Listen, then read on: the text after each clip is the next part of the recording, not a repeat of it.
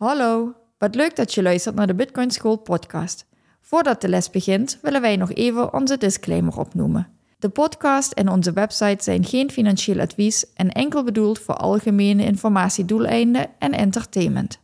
Vind je onze podcast leuk? Hecht je er waarde aan en wil je de podcastaflevering al een dag eerder beluisteren? Neem dan een kijkje op petjeaf.com slash bitcoinschool. Alvast bedankt en dan beginnen we nu aan de les.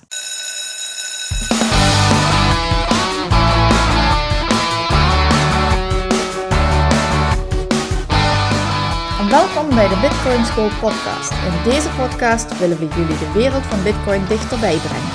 Dit doen we door Bitcoin op een eenvoudige manier vanuit de basis uit te leggen. In deze aflevering gaat het over public key, private key en de herstelzin. Yes. Ja, we waren vorige week al in de techniek gedoken weer een beetje met het hashen. Mhm. En daarbij kwamen we dan ook in ons nagesprek weer op, eh, nou ja, public key, private key, 24 woorden, hoe zit het ook alweer? En nou ja, we hebben het alles heel kort benoemd, maar misschien is het handig om daar eens wat dieper op in te gaan, want ik merk dat ik het nog steeds verwarrend vind. Mhm. Dus jullie wellicht ook.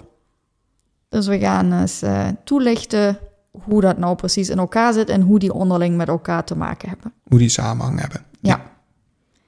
Nou, ik eh, wil dus bitcoin kopen. Mhm. Stel dat ik dat wil doen. Dan kan ik dus naar een beurs of exchange gaan. Ja. Nou ja, ik had in een eerdere aflevering bij het kopen al verteld, hè, ik heb dat uitgeprobeerd en vervolgens moest je lachen en zei je, ja, not your keys, not your coins. Dat heeft er natuurlijk ook heel erg mee te maken, Ja, zeker. want ja, als jij dus die herstelzin niet hebt, dan zijn het niet jouw coins. Nee, je hebt ze gekocht op het platform waar je, waar je ze gekocht hebt. En je hebt nog steeds een gebruikersnaam en een wachtwoord om op dat platform in te loggen. Maar je kan vanuit daar, kan jij nog niet, zonder tussenkomst van die partij, kan jij die bitcoin ergens naar iemand anders overmaken. Je moet dat op de een of andere manier, moet je die eerst naar jezelf uit laten betalen. Ja, Ja, dus ehm, blijkbaar nog niet mijn coins. Maar hoe zit dat dan? Want hoe kom ik dan aan die key die ik nodig heb? Die not your keys, not your coins. Maar hoe kom ik daar dan wel aan, zeg maar? Wat, wat is dan die key en hoe kom ik daaraan? En wat precies staat op een hardware wallet? Is dat nou de bitcoin of is dat de sleutel? Dus ja, leg ons dat even uit als je wil. Oké. Ehm, in de aflevering waar we- waarbij we het gehad hebben over opslaan, hebben we een aantal opties aangegeven. Optie 1 is dat je een app installeert op je telefoon. En optie 2 is dat je een hardware wallet koopt. Die hardware wallet is trouwens degene die wij eh, altijd, waar we de voorkeur aan geven. Laten we optie 1 eens bekijken. Dat je een app installeert op je telefoon en daarmee bepaalde keys zelf gaat krijgen. Want dat is hetgeen wat je wil. Je wil een IBAN-nummer krijgen van een bepaald systeem waar je tegen de beurs kan zeggen van oké, maak mij de bitcoin maar daarop over. Klopt dat? Mijn eigen beurs, mijn eigen wallet. Je eigen, je eigen wallet, dus zodat jij de beschikking over de bitcoin hebt. Als je een app op je telefoon installeert, en we gaan nou even geen namen noemen, maar als je zoekt op Bitcoin Wallet, dan kom je bij ehm, een, een hele hoop apps kom je, kom je uit. Ehm, dan pak je een bepaalde wallet, die, eh, die selecteer je. En bij het inrichten van die app, dus als je hem geïnstalleerd hebt, krijg jij een bepaalde eh, IBAN-nummer te zien. Dat is jouw public key. En daar kan jij jouw bitcoin naar overmaken. En die is beveiligd met een bepaalde 24 woorden of met een herstelzin. Dus bij de installatie van die app zou je waarschijnlijk ook 24 woorden te zien krijgen of 12 woorden te zien krijgen, je herstelzin te zien krijgen. Maar die genereert die wallet op dat moment. Dus bij iedere wallet hoort een herstelzin. Ja, dus de software die jij op je telefoon installeert, inderdaad, die genereert voor jou die 12 of die 24 woorden, je herstelzin, en die is weer gekoppeld aan jouw IBAN-nummer, aan jouw Bitcoin-ontvangstadres. Ja. En als ik nou een hardware wallet heb, dan is dat eigenlijk ook zo. Die installeert voor mij een wallet en spuugt dus zeg maar ook 24 woorden uit. Ja, er is één verschil met de hardware wallet. En dat is dat um, de hardware wallet, nou, die moet op de een of andere manier toch met software moet die, moet die communiceren. Dus het gaat via, of een, via ook je telefoon of via je, je PC. Maar daarbij doet de software dat niet, maar dat doet daadwerkelijk de hardware wallet doet dat zelf. En die, hard, uh, die 24 woorden staan op je hardware wallet. Dus die geven je, jouw hardware wallet geeft die 24 woorden uit. Oké. En even heel technisch gezien, ik zou het zelfs zonder kunnen doen en zelf kunnen dobbelen. Ja, ja het is mogelijk om inderdaad. Um, je kan het via dobbelen doen, maar je kan ook bij wijze van spreken een muntje 256 keer uh, flippen en uh, kop of munt kijken wat het is en dat opschrijven. En daarmee zou je ook een 24 woorden combinatie kunnen maken. En dat heeft ook weer te maken met algoritmes en formules waar je dan. Met wiskunde, inderdaad. Ja, met wiskunde. Het, het, heeft, het komt allemaal terug op wiskunde. En die 256 keer het muntje opgooien uh, zorgt ervoor dat er een bepaalde um, tekenreeks uitkomt. Tekenreeks van eentjes en nulletjes. En die eentjes en nulletjes kan je herleiden naar die 24 woorden. Dus ja. eigenlijk is het enige dat er. Um, die 24 woorden zijn altijd te herleiden naar eentjes en nulletjes. Want er is een soort woordenlijst Mhm. met vastgelegde woorden. Dat zijn niet zomaar woorden, dat is wel een bepaalde lijst Ja, waaruit 2000, gekozen 2048 woorden waaruit geko- gekozen kan worden. En 2048 woorden ehm, kunnen dan op 24 plekken staan. En dan krijg je een gigantisch groot aantal verschillende combinaties. En daarmee is eigenlijk al gegarandeerd dat het nooit gaat voorkomen dat jij dezelfde 24 woorden gaat krijgen als ik. Ja, dus die digitale wallets noem ik het maar even. Dus zowel de eh, app op de telefoon als ook bijvoorbeeld een hardware wallet creëren dus ehm, een volgorde van die tekentjes en daar komen dus die 24 woorden uit. Maar theoretisch zou je dat dus ook zelf kunnen doen. Ja, klopt. Oké, gewoon even echt puur technisch voor mijn eh, beeldvorming. Ja, en da- daarbij weer even duidelijk: de app op je telefoon is altijd verbonden met het internet. En omdat die verbonden is met het internet, is die minder veilig dan een hardware wallet, want die hardware wallet is niet per se verbonden met internet.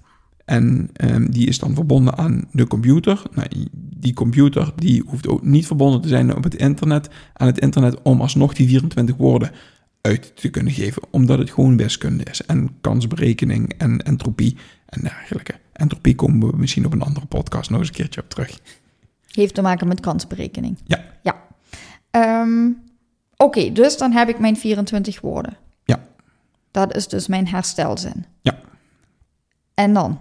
Ja, hoe, hoe hebben die 24 woorden nu te maken met een private key en public key? Want Ja. misschien is dat wel de vraag. Ja. Hoe kom ik nou vanuit die 24 woorden naar mijn Bitcoin ontvangstadres? Want op de een of andere manier moet ik vanuit mijn exchange, moet ik toch zeggen van oké, je moet het naar dit IBAN-nummer of naar dit Bitcoin ontvangstadres, moet je het opsturen. Ja, of als wij eh, rechtstreeks ehm, transacties willen doen, dan moet ik wel kunnen aangeven waar je het naartoe over kan maken. Ja, precies.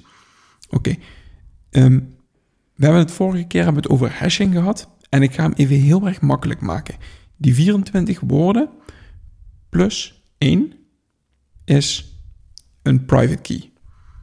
Daar komt een bepaalde private key, dat wordt gehashed en daar komt een bepaalde private key uit voor. En plus 1 plus 1 is de public key die eraan gekoppeld is. En het klopt niet helemaal, dus de mensen die heel diep in de techniek van Bitcoin zitten, die ze hebben nu iets van cringe, dit, dit, dit klopt niet. Maar om, zodat mensen het een klein beetje snappen hoe dit werkt en hoe dit aan elkaar gelinkt is, die 24 woorden zorgen eigenlijk, is eigenlijk een soort van mastersleutel naar jouw private key en jouw public key. Ja, dus die ontstaan daaruit. Die ontstaan eruit. En zo kan je dus, omdat je een eigenlijk oneindig aantal nieuwe inputs kan geven met jouw private key als voorloop, kan je een oneindig aantal ehm, private keys en public keys genereren vanuit één herstelzin. Maar dan hoort de private key altijd bij een specifieke public key. Die twee, Altijd. Die zijn, die daar heb je altijd twee nodig. Eén die public zijn- key, één private key. Ja, die zijn wiskundig aan elkaar verbonden. Eigenlijk zou je het misschien, zou ik het nog beter kunnen uitleggen als ik zeg van oké, de herstelzin plus 1, wat daar uitkomt aan de onderkant van de trechter, dan moet je de hashing van vorige week moet je terugluisteren om dit te begrijpen. Maar daar komt dus een bepaalde tekenreeks uit. En die tekenreeks die haal ik nog een keer door de trechter. Dat is mijn public key. Dus eerst de private key, dan de public key. Ja, En dan is de public key is dat wat ik uitgeef, zeg maar, wat ik bekend kan maken, waar ik kan zeggen dat is het adres waar ik het graag op wil ontvangen. precies. En of ik dat dan tegen de exchange zeg, of dat ik dat tegen jou zeg, of zo. Maar dat is zeg maar inderdaad, zoals dat bij een bankrekening ook is, dat is gewoon het eh, ja, IBAN-nummer of zo. Dat is eh, Publiek. publiek bekend. Daarom ook de Public public, key. Ja. De private key, dat is zeg maar een soort van, van wachtwoord, van handtekening. Die mag ik dus nooit uitgeven. Nee, en ehm, de 24 woorden zijn altijd gelinkt aan de private key. En daarmee moet je de 24 woorden nooit uitgeven. En volgens mij hebben we het al een keer benoemd, maar ik weet het niet 100% zeker. De private key zelf zal je in de software nooit te zien krijgen. Ehm, je moet altijd, ehm, als je een. Je hebt die private key nodig om jouw bitcoin weer naar mij toe te sturen of naar iemand anders toe te sturen. Dus niet om te ontvangen, maar om te versturen heb je de private key nodig. Maar software, de software of eh, welke app je ook gebruikt, laat jou niet de private key zelf invullen, maar altijd in de vorm van een pincode gecombineerd met jouw 24 woorden. Eh, om het makkelijker te maken, die 24 woorden zijn opgeslagen in jouw hardware wallet en die is dan weer beveiligd met een bepaalde pincode. Dus als iemand de pincode van jouw hardware wallet kent, heeft hij toegang tot de private key. Heeft iemand toegang tot de 24 woorden, heeft hij ook toegang tot jouw private key, waarmee Bitcoin overgemaakt kan worden. Ja, want ehm, je hebt dus de public key nodig om te ontvangen. Mhm. Je hebt de private key nodig om te kunnen versturen, want daarmee zet ik een soort van digitale handtekening. Ja. En je eh, legt net uit, daarvoor heb ik niet echt die key zelf nodig, maar die staat op de hardware wallet en ik moet dat dan bevestigen en dan versleuteld stuurt hij dat dan mee, zeg maar. Ja. Maar geeft hij dus akkoord voor een transactie. Dus ontvangen doe ik met de public key, verzenden doe ik met de private key. Mhm. En die zijn wiskundig Aan aan, elkaar elkaar, gekoppeld en die zijn wiskundig aan de herstelzin gekoppeld. Ja, maar niks van al die dingen is aan mij gekoppeld.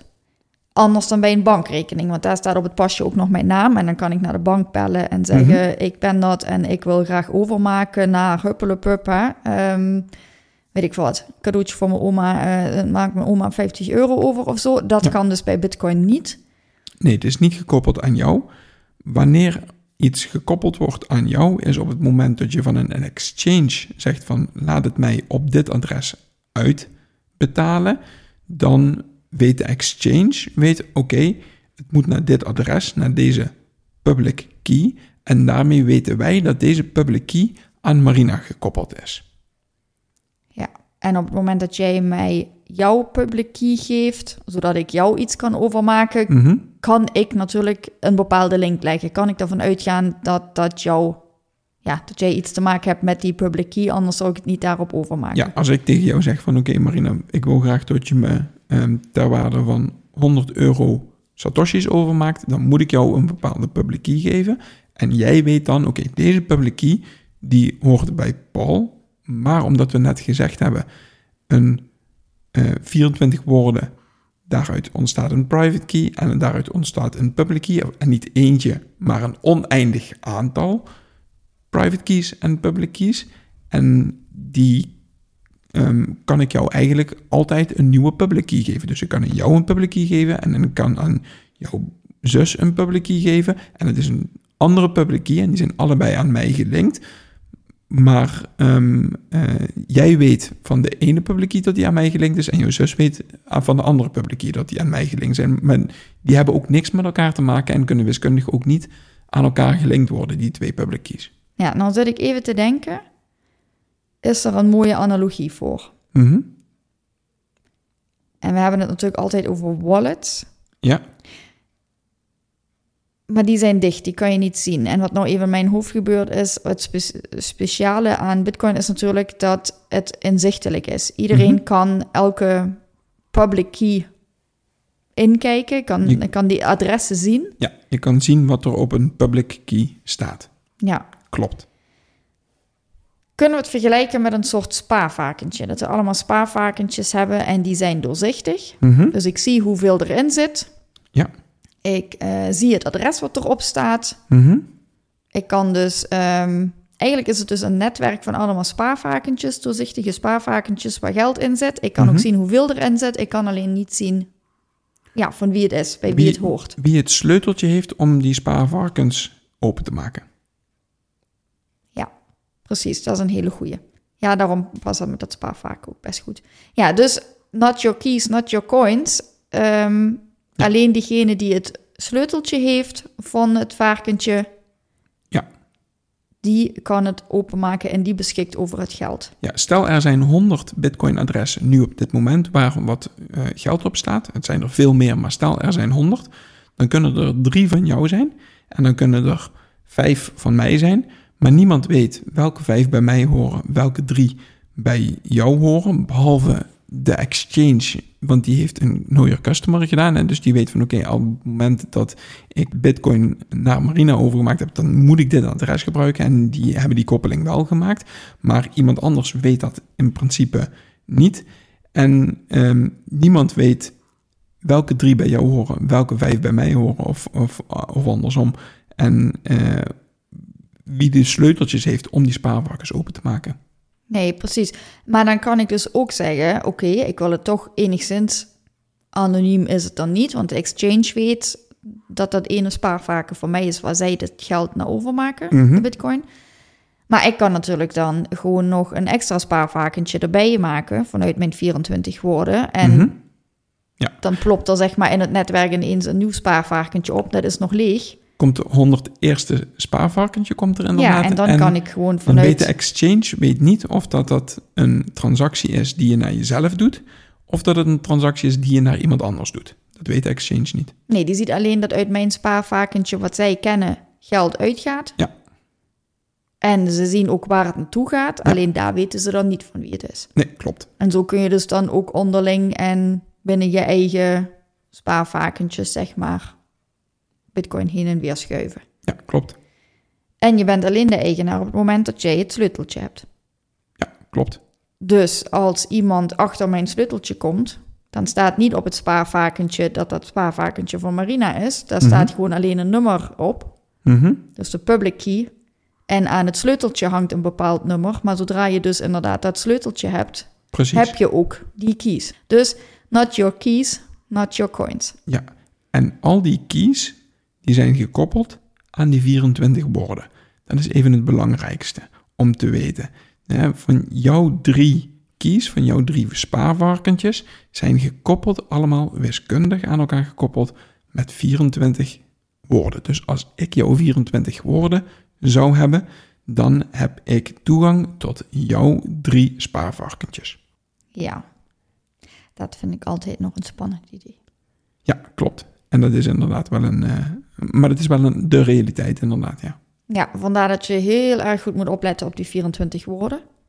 Ja, inderdaad, want als je die niet. ehm, als je die kwijtraakt, die 24 woorden. dan ehm, heb je de sleuteltjes verloren tot jouw spaarvarkentje. En dan kan je niet naar een bank bellen. Geef mij mijn sleuteltjes maar weer terug. Nee, daar ben je zelf voor verantwoordelijk. Wat ook wel weer fijn is, want daardoor kan er ook verder niemand tussenkomen. Ja, precies. Mm, ja, vloek en zegen in één. Eh, ik wilde nog iets zeggen. Ja, het interessante daarbij is dus inderdaad dat je dus op jouw hardware wallet of in de app die je op je telefoon installeert niet de bitcoin hebt. Want er is geen, ja, hoe moet ik dat zeggen, fysieke bitcoin in die zin. Nee, de Ehm, Bitcoin zelf gaat niet het netwerk uit en op jouw hardware wallet of in jouw app. Nee. Nee, wat je dus hebt is het sleuteltje. Klopt. Dus de bitcoin zelf blijft nou ja, in het netwerk. Mhm. En het enige wat jij hebt is het sleuteltje om hem vervolgens ja, te kunnen verschuiven. Ja, precies. En dus ook stelt dat dat op een bepaald bestandje staat op, jouw, op je computer of iets dergelijks, ehm, dan kan je dat bestandje kan je niet kopiëren en heb je daarmee twee keer zoveel bitcoin. Wat je wel eens zou kunnen bedenken, want digitale informatie kan makkelijk gekopieerd worden. Dat is inderdaad niet het geval. Je, houdt dezelfde sleuteltjes. Die bitcoin die staan nog steeds in het netwerk. Maar als jij een, um, een sleuteltje kopieert en je laat een kopie maken van een sleuteltje, dan kan je niet bij, ineens bij twee uh, spaarvarkentjes uitkomen. Je komt nog steeds bij hetzelfde spaarvarkentje kom je, kom je uit. Je hebt een kopie van een sleutel heb je gemaakt. En niet van de bitcoin zelf. En niet van de bitcoin zelf. Ja. Nou, dat is ook meteen wat... We hebben dat alles heel even benoemd. Um, ook iets wat gewoon geniaal bedacht is uh, bij Satoshi Nakamoto... of door Satoshi Nakamoto... is namelijk het double spending probleem. Mm -hmm. Het probleem bij digitale informatie...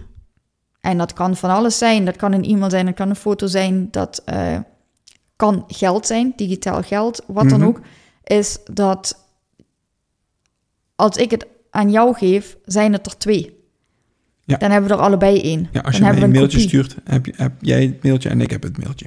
Ja, ik heb daar laatst een hele goeie over gehoord. Dat is ehm, als wij in de normale wereld, zeg maar, dat halen. Mhm, Als ik jou een appel geef mhm. en jij geeft mij een appel, dan heb jij één appel en ik heb één appel. Ja.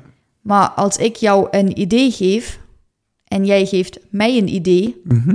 dan hebben we allebei twee ideeën. Ja. Dus informatie, of die nou digitaal is of eh, real life, die is dan niet weg bij de ander. Dus die wordt gekopieerd en dan heb je er twee. Ja.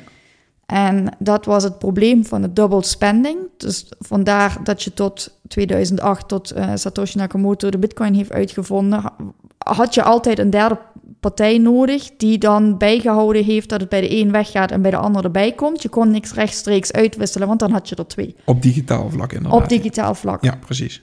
Want een appel, ja, je kan me wel een appel, appel geven, maar dan weet ik 100% zeker dat, ik hem, eh, dat jij hem niet meer hebt als ik hem krijg. Ja, en dat was op digitaal vlak anders. Nou ja, goed, daar is dus dit probleem, double spending heet het, is dus opgelost door Bitcoin. Omdat het in het netwerk blijft. Double spending is dat jij die appel ehm, in werkelijkheid kan je die niet nog aan iemand anders geven. Dubbel uitgeven.